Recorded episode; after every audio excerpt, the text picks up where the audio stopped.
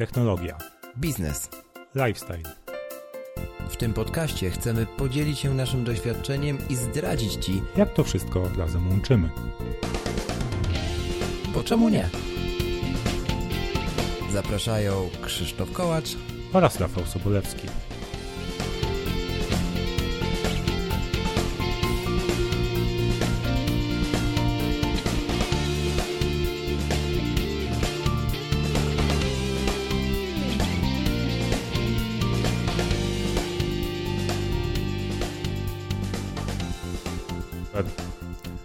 To 15 odcinek podcastu, bo czemu nie? E, z tej strony witam Was Rafał Sobolewski. Dzisiaj wyjątkowo bez, bez Krzyśka, e, za to jest ze mną e, Magda Milelt, która już, już chyba trzeci raz z nami tutaj występujesz. Tak, cześć, już Magda. powoli zadamawiam. Dzień dobry, cześć. Cześć. Tak, dzisiaj odcinek z cyklu miejskich realizowany we współpracy z naszym sponsorem, Muzeum Inżynierii Miejskiej w Krakowie. No i dzisiaj poruszymy sobie temat, e, który jest dość istotny i o którym wydaje mi się, że za mało się ciągle u nas mówi.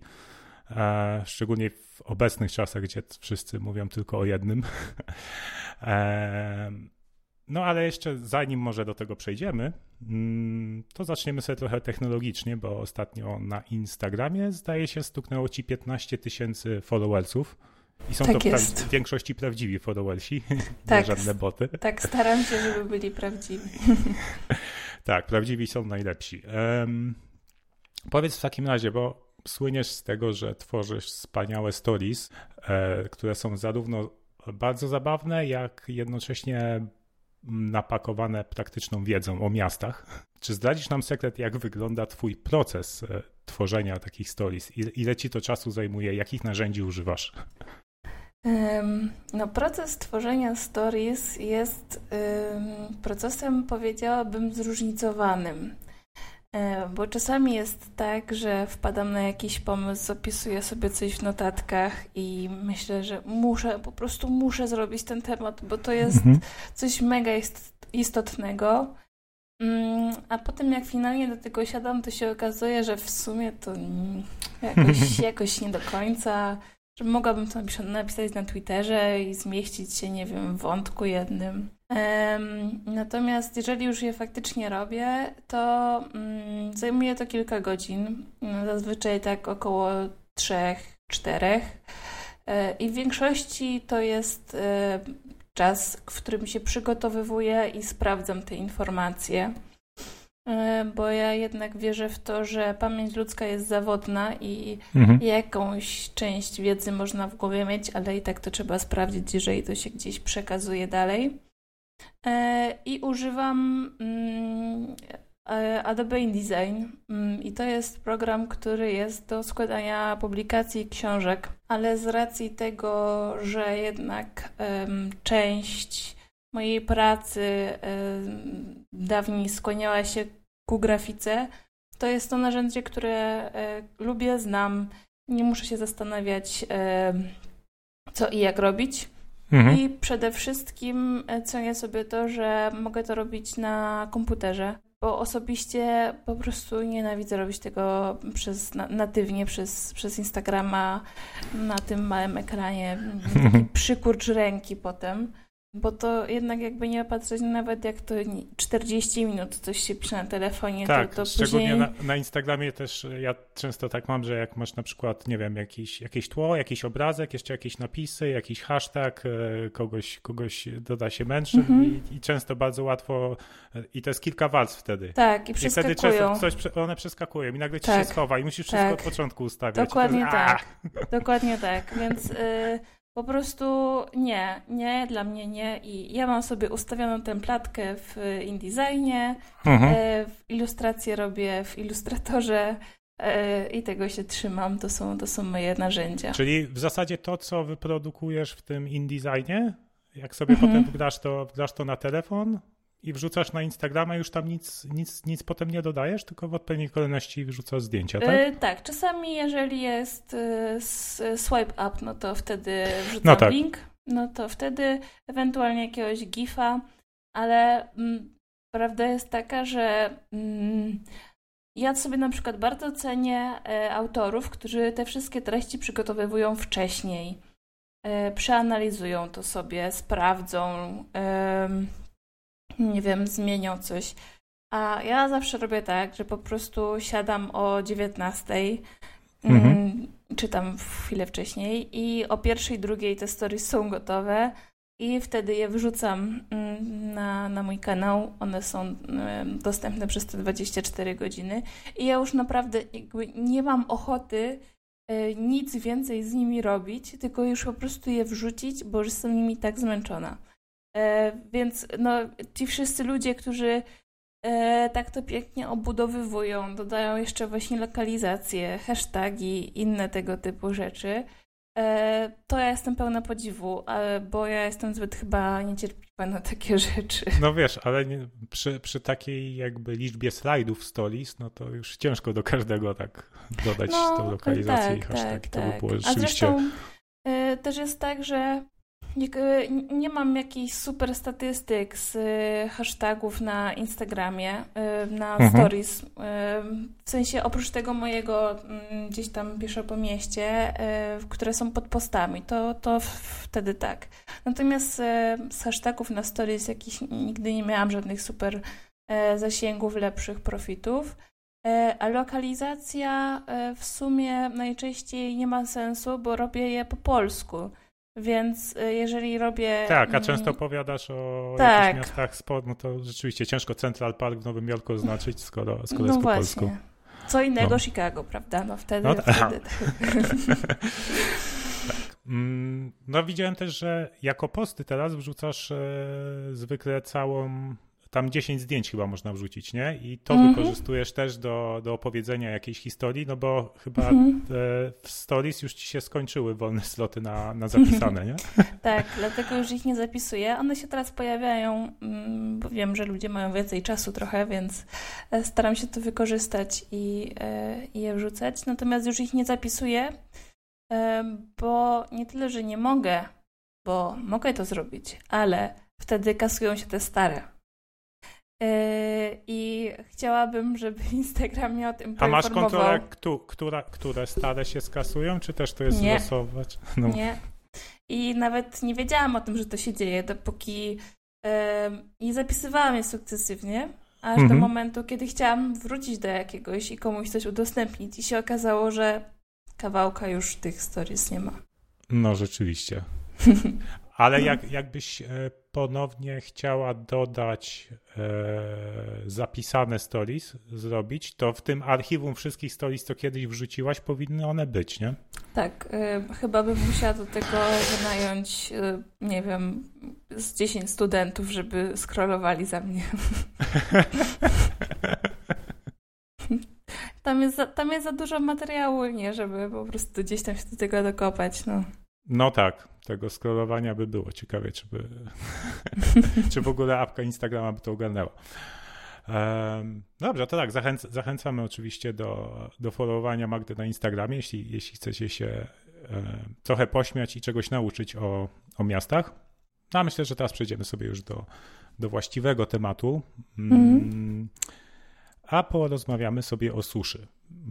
Mam nadzieję, że nikogo e, nie trzeba z naszych, z naszych słuchaczy przekonywać, że, e, że obecnie jest susza e, i że ma to negatywny wpływ, ale powiedz Magda, skąd w zasadzie ta susza, skoro jak czytam w Twoim najnowszym blogpoście, to mhm. roczna ilość opadów, suma opadów w ostatnim roku, w 2019 roku w Polsce nie odbiegała wcale od średniej. No sprawa wygląda tak, że e, co prawda ta suma, mm, roczna suma opadów e, nie odbiega od średniej, ale zmienia się charakter tych opadów. I to wynika z zmian klimatycznych, czyli z tego, że ociepla nam, się, ociepla nam się ten klimat i nie, było, nie ma takich powolnych wiosennych deszczy, które kiedyś były, a są po prostu to są po prostu deszcze nawalne bardzo intensywne, mhm. mocne opady. i w wyniku takiego opadu e, cała woda spływa po powierzchni ziemi. Nie ma e, szansy wsiąknąć w tą ziemię i nawodnić ją. Mm, a dodatkowo też nie mieliśmy śniegu w, e, zimie i śnieg zazwyczaj mm, powoduje też bardzo mm, dobro, dobre takie nawodnienie ponieważ wolno się topi na wiosnę i tym samym ta ziemia jest odpowiednio nawodniona. Mm, I śnieg też odbija mm, promienie słoneczne przez to, że jest e, jasny i mm, dzięki niemu jest obniżone parowanie, a przez to, że go nie było, no to mhm. z automatu po prostu było cieplej jak, się, jak, jak jest ziemia odkryta, no to po prostu jest ciemniejsza i e, szybciej ta woda paruje. No tak, rzeczywiście, ale ktoś może powiedzieć, że przecież e, w lutym w tym roku było mnóstwo, mnóstwo opadów deszczu. Mm, jednak statystyki nie kłamią i to, że y, mogło tak być w lutym, y, to nie znaczy, że sytuacja jest dobra mhm. i można sobie sprawdzić statystyki na wody polskie. Mm, I ministerstwo już nawet y, oficjalnie mówi o tym problemie suszy i pokazuje mapki, jak bardzo przesuszona jest ziemia w Polsce. W związku z tym, no jednak ja bym wierzyła naukowcom w tej mhm. dziedzinie, alarmującym, że problem jest duży. Powiedziałeś, ziemie są przesuszone, to pewnie e, większość osób kojarzy to, no, przede wszystkim rolnicy mają problem. E, tak, no ale też e, jak ta susza wpływa na, na nasze miasta. Bo mm. z pozoru może się wydawać, że nas to tak nie dotyczy, mieszkańców miast, ale czy na pewno? E, w tym moim nowym blogu, blogpoście mm, wyjaśniam właśnie, te, jak dokładnie to działa. Zamieszczam taki, taki wykres, który nazywa się e, Miejska Wyspa Ciepła. Mhm. To jest taka rzecz, która bardzo nas z poziomu mieszkańców miast powinna interesować. E, ponieważ e, w miastach po prostu jest cieplej, e, w związku z tym tej wody jeszcze bardziej brakuje niż w normalnych innych zielonych częściach Polski. Miasto jest też bardzo mocno zabetonowane i w efekcie niestety ta woda też spływa i nie wsiąka w wszystkie tereny, które są w mieście. Bardzo niska jest ta nasza retencja wody miast w Polsce, ponieważ bardzo skutecznie mm, ją sobie zniwelowaliśmy.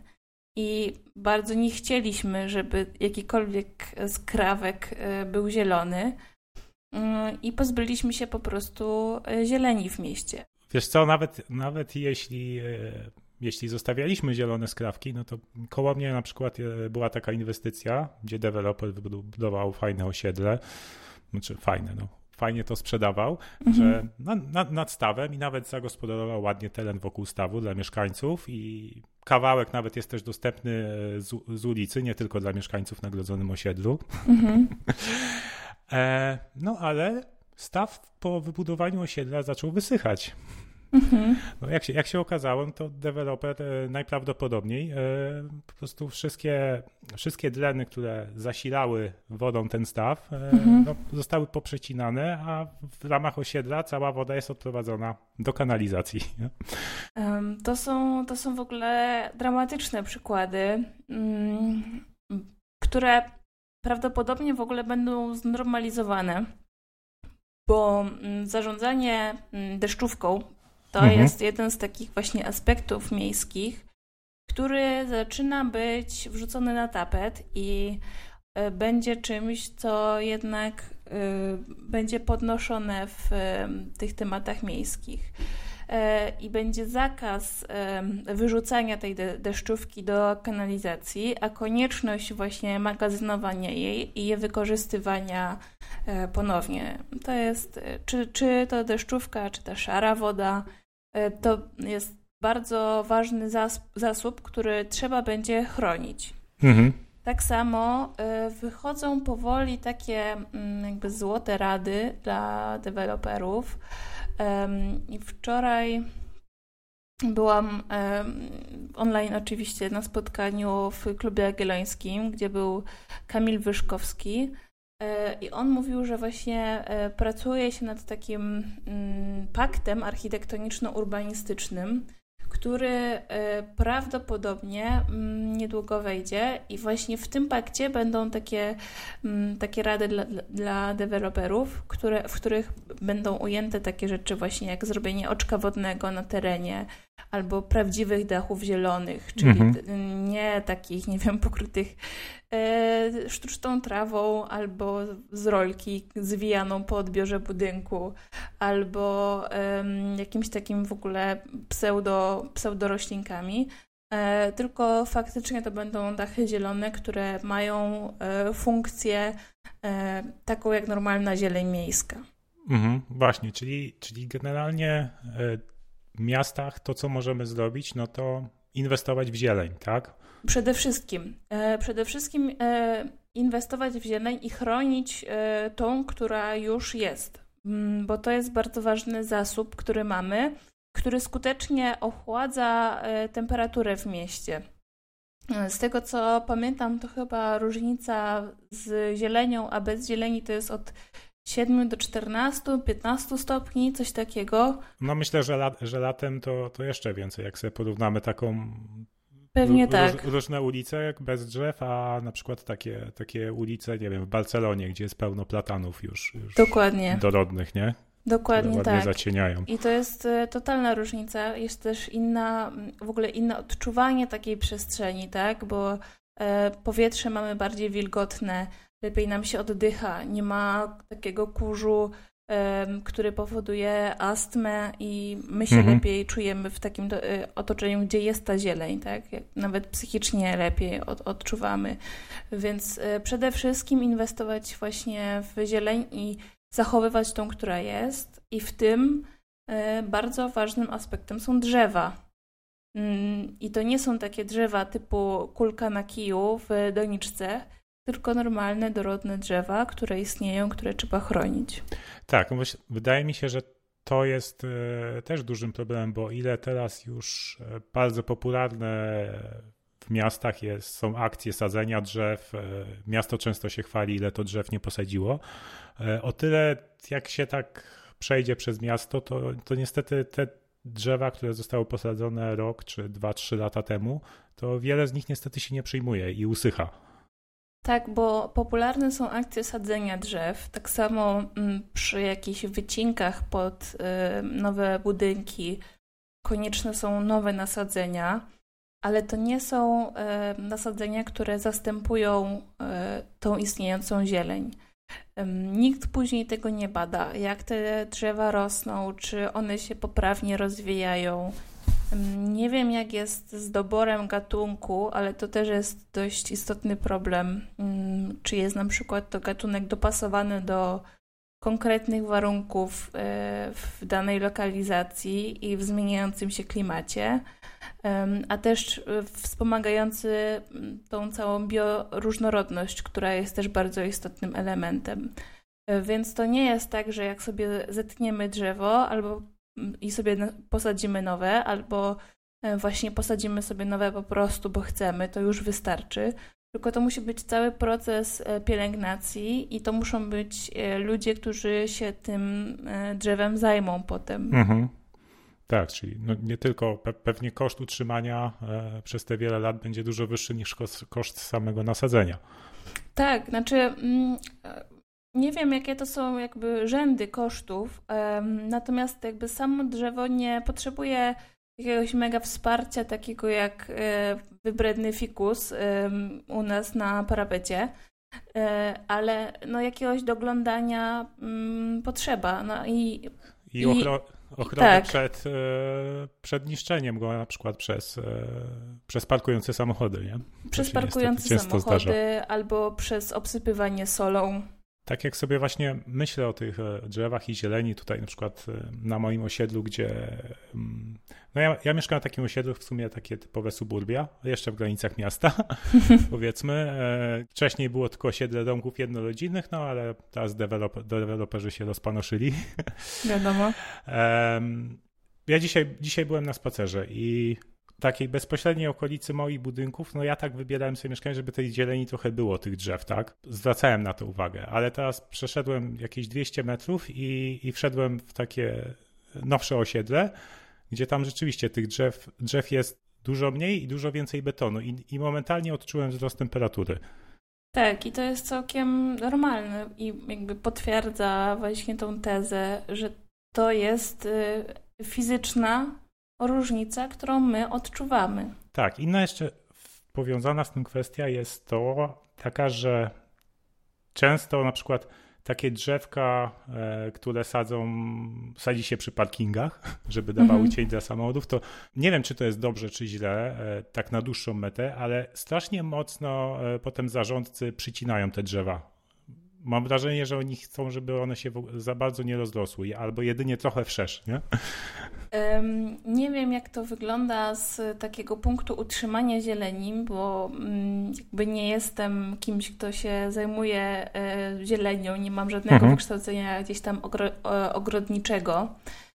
E, ale jak sobie pomyślę o mm, parkingu i o terenach zielonych e, na tych parkingach, to Myślę sobie, że po pierwsze bardzo trudno jest mm, mm, drzewom tam rosnąć, bo jakby nie patrzeć, e, są na takiej patelni betonu e, w bardzo gorącym miejscu. Pewnie mają za mało e, miejsca na swój system korzeniowy, mhm. więc czy to przecinanie działa na ich korzyść czy na ich niekorzyść, tego ci nie jestem w stanie powiedzieć, ale na pewno, na pewno mogę powiedzieć, że e, to nie są super warunki dla jakiejkolwiek roślinności. Tak samo jakby te całe przestrzenie parkingowe, wielkich, e, wielkie połacie betonu mm, nie sprawiają, że nam się lepiej żyje w mieście, mimo że mamy gdzie zaparkować. Mhm. Tak, rzeczywiście, jak sobie tak teraz pomyślę, to wszystkie te drzewa, które, które rzeczywiście mają, są bardzo blisko tych, tych e, parkingowej przestrzeni czy, czy jezdni, rzeczywiście one od wielu lat są tego samego rozmiaru. No, nie mają jak się. Nie mają jak się rozrosnąć. No. Nie mają jak się rozrosnąć i też pewnie mm, nie są jakoś super e, zadbane, bo jeżeli są na przykład na takim e, parkingu przed supermarketem, to to jest y, parking prywatny. Mhm. Czyli ktoś by musiał wydać pieniądze na to, żeby się tym drzewem zająć y, w jakikolwiek inny sposób w ogóle z tą zielenią niż w taki, y, jak pewnie, nie wiem, podlać bratki przy wejściu, bo akurat to, na to pewnie zwrócą klienci uwagę, albo przyciąć trawę, mm, żeby mhm. wiadomo, było mm, krótko, żeby przypadkiem nie była za wysoka. Mm, I na tym się to kończy, tak? Nikt nie będzie sprawdzał, czy to drzewo jest odpowiednio zadbane. Nikt też nie będzie go podlewał, mm, bo przecież drzewa też trzeba podlewać. E, I tak właśnie sobie wegetują. No właśnie, też, też wspomniałaś o koszeniu trawy. Tak. E, to też jest też, e, też jest problem, jeśli tą trawę się zbyt często kosi i tak rzeczywiście prawie do zera. Mhm. E, w tamtym roku tak, tak było pod moim blokiem i ta trawa no, w, w sierpniu już, już nie była zielona. Mhm, już pewnie była słoma, a nie trawa. Tak, słoma była, a nie trawa. No i teraz, teraz widać się zieleni, ale rzeczywiście widać, ona nie jest taka, taka gęsta, nie? Nie jest gęsta i trochę też nie ma prawa być gęsta, bo skoro nie pada, no to ona nie no tak. ma e, jak być odżywiona. A w miastach też jest taki, mm, jakieś takie zapatrzenie właśnie na krótką trawę, mm, taki, taki zielony trawnik przystrzyżony, idealny, jak mhm. mamy w jakimś e, filmie, który jest e, super nieekologiczny, bo mm, tak naprawdę trawa nie jest um, najlepszym terenem zielonym dla miasta. O wiele lepsze są na przykład łąki kwietne, które już mają jakieś um, rośliny miododajne, które wzbogacają nam tą bioróżnorodność i e, zapewniają to, że właśnie ta, to, ta, ta trawa jest, ta trawa, ta zieleń jest mhm. wyższa mhm. i przez to ziemi jest trudniej wyschnąć. Tak, czyli z punktu widzenia retencji wody e, to lepsze są zdecydowanie łąki. Dokładnie. jeszcze wrócę do tego tematu e, tych dobrych praktyk dla deweloperów, mhm. o których wspomniałeś, bo właśnie mi się przypomniało, że jak w tamtym roku byłem na jakichś konsultacjach e, w Radzie Osiedla, gdzie byli też przedstawiciele miasta, oni właśnie też mówili o tym problemie, że oni się dopiero tego uczą. Mhm. Właśnie by, była kwestia tego, tego dewelopera, co wspomniałem, i tego osiedla, gdzie, gdzie ten staw wysychał. I że też, też jest problem z tym, że e, teraz, teraz nie wiem jaka to instytucja, jaka instytucja chyba na poziomie wojewódzkim e, zarządza rzekami i wałami przeciwpowodziowymi. E, jest... To jest, wały powodziowe są, w, tereny zalewowe są w kwestii samorządów, mhm. natomiast ogólny stan wód i rzek to są wody polskie i to jest rządowe. Tak i, i że też oni niechętnie pozwalają na to, żeby ta woda nie szła do kanalizacji, e, bo też, też to może powodować ryzyko e, powodziowe, czy coś, coś takiego. Nie, nie wiem teraz, czy to dobrze. E, to znaczy jest tak, że powin, budynki powinny jakby sobie magazynować tą wodę i wykorzystywać ją powtórnie. Mhm. To jest dokładnie nazwane jako recykling wody. Natomiast miasto najczęściej ma osobne kanalizacje e, deszczowe i jakby mm, nieczystości, tak? Ścieki w sensie. Mhm. No i tu jest też kwestia zarządzania tymi zasobami mm, wodnymi. Z tego co wiem, to chyba Wrocław ma taką najlepszą oczyszczalnię, która się specjalizuje właśnie w, taki, w takim recyklingu wody. I to, co. E, ale ona też nie. E, ta oczyszczalnia nie wypuszcza e, tej wody z powrotem do miasta, tylko wypuszcza, wypuszcza ją jako czystą do wody, mm, do rzeki z mhm. powrotem. Mhm. Tak, już chyba za miastem, chyba wiem, o której mówisz. Tak. Chyba nawet u Kasi Gondor to było na, na vlogu, nie jestem pewna, ale na pewno gdzieś, gdzieś się z tym spotkałam mhm. jako taki temat. No i y, to jest właśnie już takie, takie kolejne, y, kolejny aspekt tego. I w, jeżeli mówimy o takich miastach przyszłości i o wodzie, jako takim produkcie deficytowym, to na pewno e, jakby wzmocnienie takiej odporności w tym temacie, czyli takiego recyklingu wody, E, będzie czymś, co na pewno e, będzie do nas wracać i na czym będziemy musieli się skupić e, w temacie miast i na odzyskiwaniu właśnie tej, tej wody. Dobrze, czyli w zasadzie dbanie o zieleń to jest, to jest najlepsza, najlepsza recepta na, na, na zwiększenie tego, tego poziomu retencji wody. Czy coś, coś jeszcze byś do tego dodała? Tak, więc jeżeli bym mogła coś dodać, to właśnie raczej pogłębić ten temat y, i powiedzieć o tym, że jest szereg takich rozwiązań pod tytułem e, właśnie oczka wodne, jakieś muldy, parki deszczowe czy ogrody deszczowe. E, mhm. I to są to wszystko taki jakby pakiet e, infrastruktury zielonej, E, która jest zaprojektowana po to, żeby służyć e, mieszkańcom i miastu i wspomagać miasto e, w walce z właśnie wzrostem temperatury, obniżać tą wyspę ciepła, sprawiać, że to wszystko, co, mm, co jest negatywne, może zostać w jakimś stopniu zniwelowane. I tak sobie myślę jeszcze mm, o tym, że w Polsce temat rzek jest takim mm, też ciekawym tematem, bo e, bardzo chętnie sobie siedzimy nad tymi bulwarami, które mhm. są mm, bardzo przyjazne w e, lato i e, nie wyobrażam sobie mieć miasta bez rzeki. To jest chyba ciężkie, ciężkie do przeżycia w lato. E, natomiast... Pozdrawiamy Łódź. Łódź jest piękna, a Łodzi też Tak, zgadzam się. Łódź też jest piękna. Byłem tam dwa czy trzy razy i bardzo, bardzo pozytywne wrażenie. Um, więc e, tak, nie, nie, chcę urazić żadnego miasta, ale tak jakby z subiektywnego punktu widzenia myślę sobie o tym, że mm, by było ciężko e, być w takim mieście bez rzeki. E, Natomiast te bulwary, mm, one są też bardzo często gdzieś tam zabetonowane, mm, to koryto jest bardzo wyrównane, a z takiego przyrodniczego punktu widzenia dobra jest ta denaturalizacja, czyli właśnie powrót do takiej, mhm. takiej dzikości. E, I to jest rzecz, która, do której też e, powinniśmy mm, wracać i do, o którą powinniśmy się starać, żeby była w naszych miastach. Tak, no to ja tu, jeśli chodzi o Wrocław, to mogę powiedzieć, że tutaj w ostatnich latach bardzo dużo się na plus zmieniło. W sensie na plus, e, w sensie natura naturalnym czy odwrotnym? Znaczy, mm, tak, jeśli, jeśli, chodzi o, o Odrę we Wrocławiu, no to mm, jak Odra wpływa do Wrocławia, to ona tam od, od, od wschodu się rozdziela na, na kanał powodziowy, mhm. który właśnie ma, jest, to jest taka odnoga, tam jest dużo więcej zieleni i ten, ten główny nurt, który płynie przez centrum, no to, to rzeczywiście tam w centrum jest ba, bardziej zabetonowany.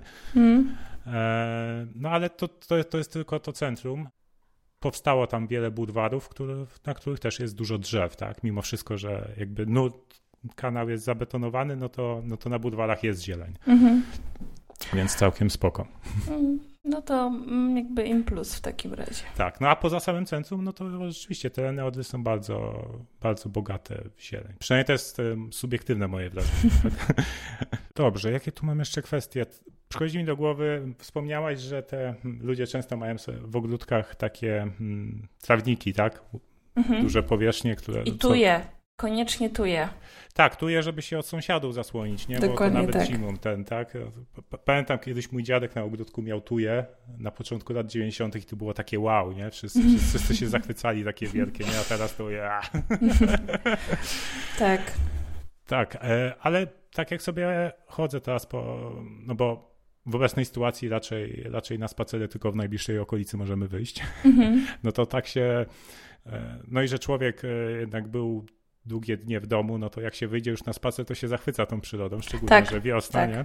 Tak, ale zwraca e, uwagę. Tutaj wtrącę się i jakby mm, mm, wrzucę taką iskierkę mm, nadziei w tym temacie takiego przytłoczenia tym lockdownem, że właśnie jeżeli się wychodzi, to ja na przykład sobie totalnie pozwalam się zachwycać w takich momentach mhm. i próbować dostrzegać te wszystkie piękne rzeczy, które być może normalnie bym pominęła, gdzieś nie zwróciłabym na nie uwagi, a teraz e, no, tak naprawdę na każdym kroku jest coś cudownego. I tak, tak, no, po prostu się. Ta, ta buchająca przyroda z każdego miejsca to jest niesamowite dla mnie coś. Tak, no ja właśnie chciałem wspomnieć, że na tym moim osiedlu, gdzie jest dużo dom, domków jednorodzinnych i ludzie mają ogródki przy, przy domu, no to mhm. jednak, jednak e, przez ostatnie lata widzę, że wię, coraz więcej osób na tych ogród, te ogródki są gęste od zieleni. Są, są jakieś krzaczki, są jakieś drzewka, a nie tylko tak jak wspominaliśmy, same trawniki równe, nie? Dokładnie. I to jest super mm, i o to powinniśmy walczyć, bo to są te takie wszystkie tereny, które mm, spra sprawiają, że tej zieleni różnej jest y, więcej, mm, przez to jest więcej owadów i to też pozwala tym owadom przetrwać, bo też problem, o którym e, rzadko mówimy, to taki e, problem, że mm, przez monokultury rolnicze e, owady też mają problem z tym, żeby przetrwać mhm. i przenoszą się do miasta. A jeżeli w mieście nie mamy tej zieleni zróżnicowanej, no to kolejne gatunki niestety giną, mm, bo nie mają jak przetrwać. I dlatego bardzo ważne jest właśnie, żeby mm, były to różne gatunki różnej zieleni, e, ale też tej zieleni właśnie mm, dopasowanej do potrzeb e, i na przykład e, takiej, która, którą, której oczekujemy. I mhm. tu jest na przykład ciekawy e, taki psychologiczny przykład, bo jeżeli mówimy właśnie o łąkach kwietnych, to bardzo często jest to temat taki, że ludzie mówią, że mają alergię i to jest niepotrzebne i, oni, i, i to jakby wzmaga te ich alergie. a okazuje się, że to mm, najczęściej ludzie mają alergię właśnie na trawę, mhm. e, a nie na łąkę. E, plus na przykład taka łąka kwietna właśnie e, działa jako takie, taki bodziec mm, przed tym, żeby na przykład na ten teren e, wejść albo wjechać. I wysoka, wysoka trawa dość mocno ogranicza kierowców przed wjazdem na taki teren. Więc to jest taka ciekawostka. Tą alergią to też racja. Na przykład moja Ania ma, ma alergię, ale też ale mamy na balkonie w takiej większej doniczce właśnie taką mini łąkę kwietną. No i nie ma no, alergii. Nie, nie, ma i dzisiaj, dzisiaj piękny, piękny żółty, żółty kwiatek zakwitł na tej łące. Super. No. E, to w ramach zachwycania się nawet najmniejszymi Dokładnie tak. pozytywami. Tak. Dobra, jeszcze jedna um, kwestia mi przychodzi na myśl, jeśli chodzi o te, te dobre, mówiliśmy o dobrych praktykach dla deweloperów, e, tych w swoim blogu chyba, e, na blogu nazwałaś to, jest taki katalog zielonych i niebieskich praktyk, czy coś takiego, nie? E, zielona i błękitna infrastruktura. O, właśnie. Tak, no to, czy to, to jest takie określenie, które jest stosowane powszechnie i jakby w literaturze.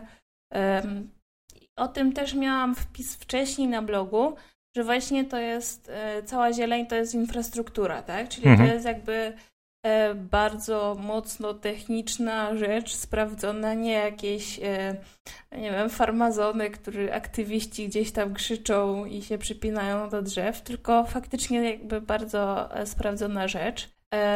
I tak, są takie mm, katalogi, E, wydała to e, Bydgoszcz. E, z tego co pamiętam, to też chyba Trójmiasto wydało taki katalog dotyczący rozwiązań. No i ja się z tego bardzo cieszę, bo im więcej szerzymy tej wiedzy i mówimy o tym wszystkim, tym lepiej. No tak, i to jest jakby, bo problemem nie tylko są deweloperzy, ale też inwestycje miasta na przykład, nie?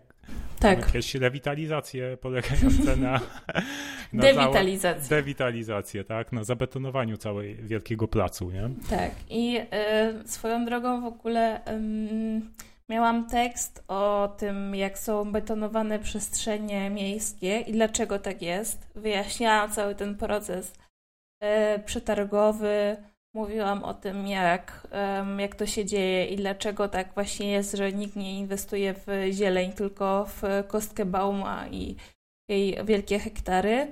I to był mój pierwszy długi tekst y, na klubie jagiellońskim mhm. Y, i się znalazł na wykopie na głównej, także no, także mm, jak sobie wpiszecie Mm, polska szkoła e, psucia przestrzeni publicznej, to powinno, powinno wyskoczyć. Okej, okay, to podrzucisz potem problem. linka, to, Pewnie, podrzucę. To, pod, to podlinkujemy. Mm, to teraz może przejdźmy do, do takiego tematu, dla kogo ta susza i wzrastająca temperatura w miastach będzie najbardziej dotkliwa. Mm, tak, i tu jest...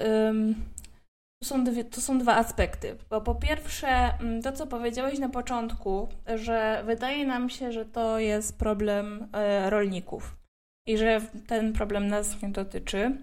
E, no to dotyczy, e, bo to są wzrosty cen żywności.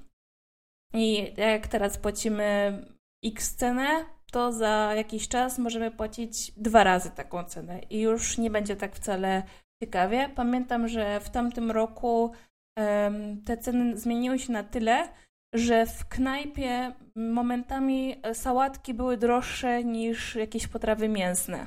Mhm. E, więc to zaczęło już być odczuwalne, mm, w szczególności jakby dla ludzi, którzy gdzieś tam na przykład nie jedzą mięsa i widzą te, te różnice e, na rachunkach.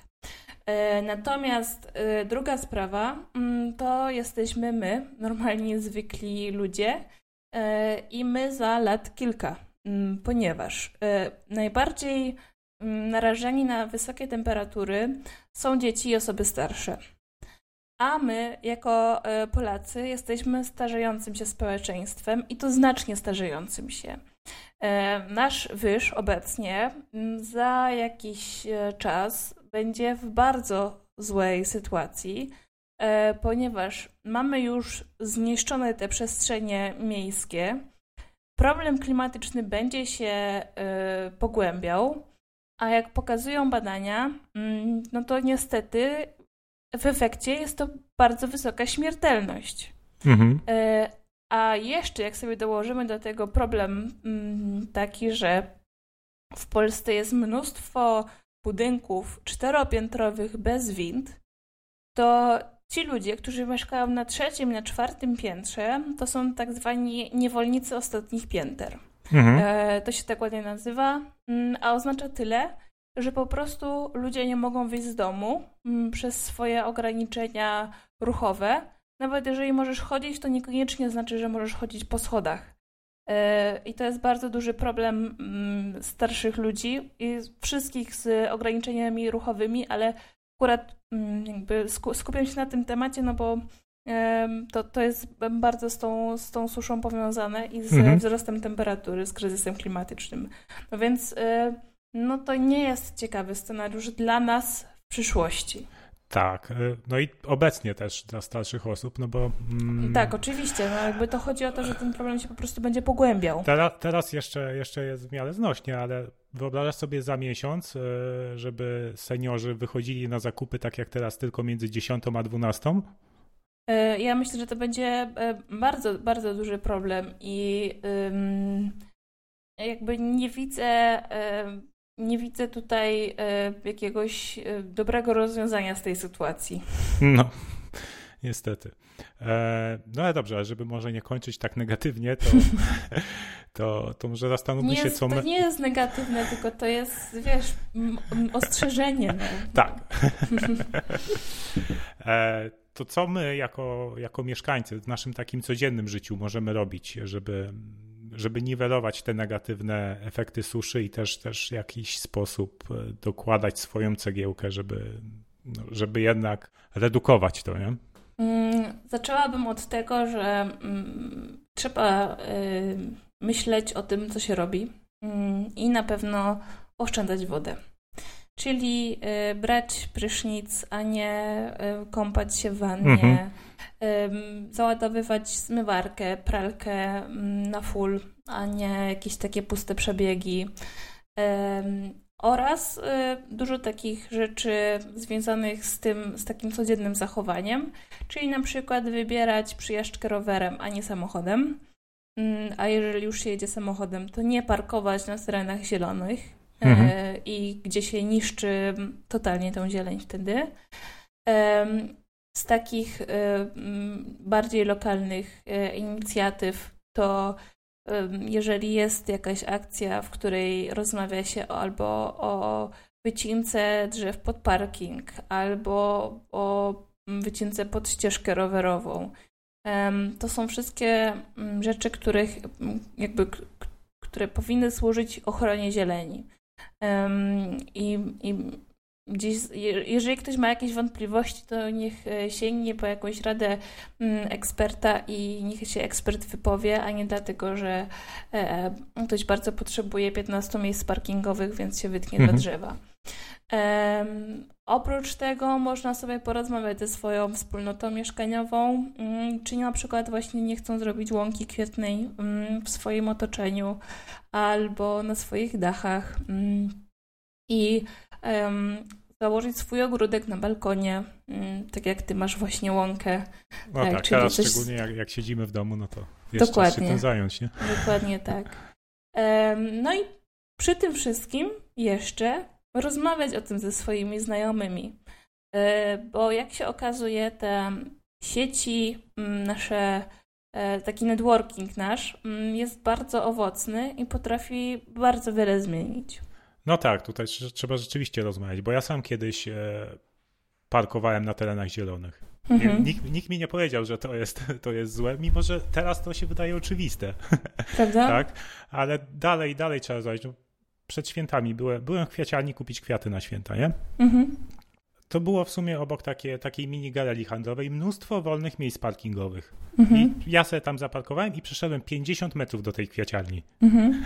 No i będąc w tej kwiaciarni, oczywiście jakiś koleś podjeżdża pod samą kwiaciarnię, na chodniku stanął. I gościu, masz 50 metrów obok 3, 3 czy 4 wolne miejsca parkingowe. Nie. Dokładnie tak. E, myślę, że u nas nie ma takiej mm, kultury parkowania. No. I chcę, żeby tutaj jeszcze wybrzmia wybrzmiało jedno, bo ja bardzo często narzekam na samochody, ale to nie jest tak, że jakby, nie wiem, ja mam na nie jakieś tam uczulenie. Ja po prostu e, hejtuję takie bzdurne zachowanie pod tytułem nie pomyślę, że coś niszczę, tak? Mhm. To jest e, też tak, że jeżeli się parkuje na chodniku czy na terenie zielonym, to się tą e, infrastrukturę niszczy. I później odbudowa tej infrastruktury idzie z naszych podatków. Więc sami sobie nakładamy dodatkowe koszty. No właśnie i pamiętajcie, jak parkujecie, to szanujcie, szanujcie innych. No ja zawsze powtarzam, chodnik służy do chodzenia, jezdnia do jeżdżenia, parking do parkowania. Dokładnie. Można wszystko e, wykorzystać tak, jak jest zaprojektowane. A tereny zielone do retencji wody i do poprawiania tak. naszego nastroju. Dokładnie tak. Dobrze. To był 115 odcinek podcastu, bo czemu nie? E, realizowanego dzięki Muzeum Inżynierii Miejskiej w Krakowie. E, a naszym gościem była Magda Mile. Dziękuję. Dzięki. Dzięki za, za udział. Do zobaczenia. No i cóż, to tyle na dzisiaj. Pamiętajcie, działajcie, bo czemu nie?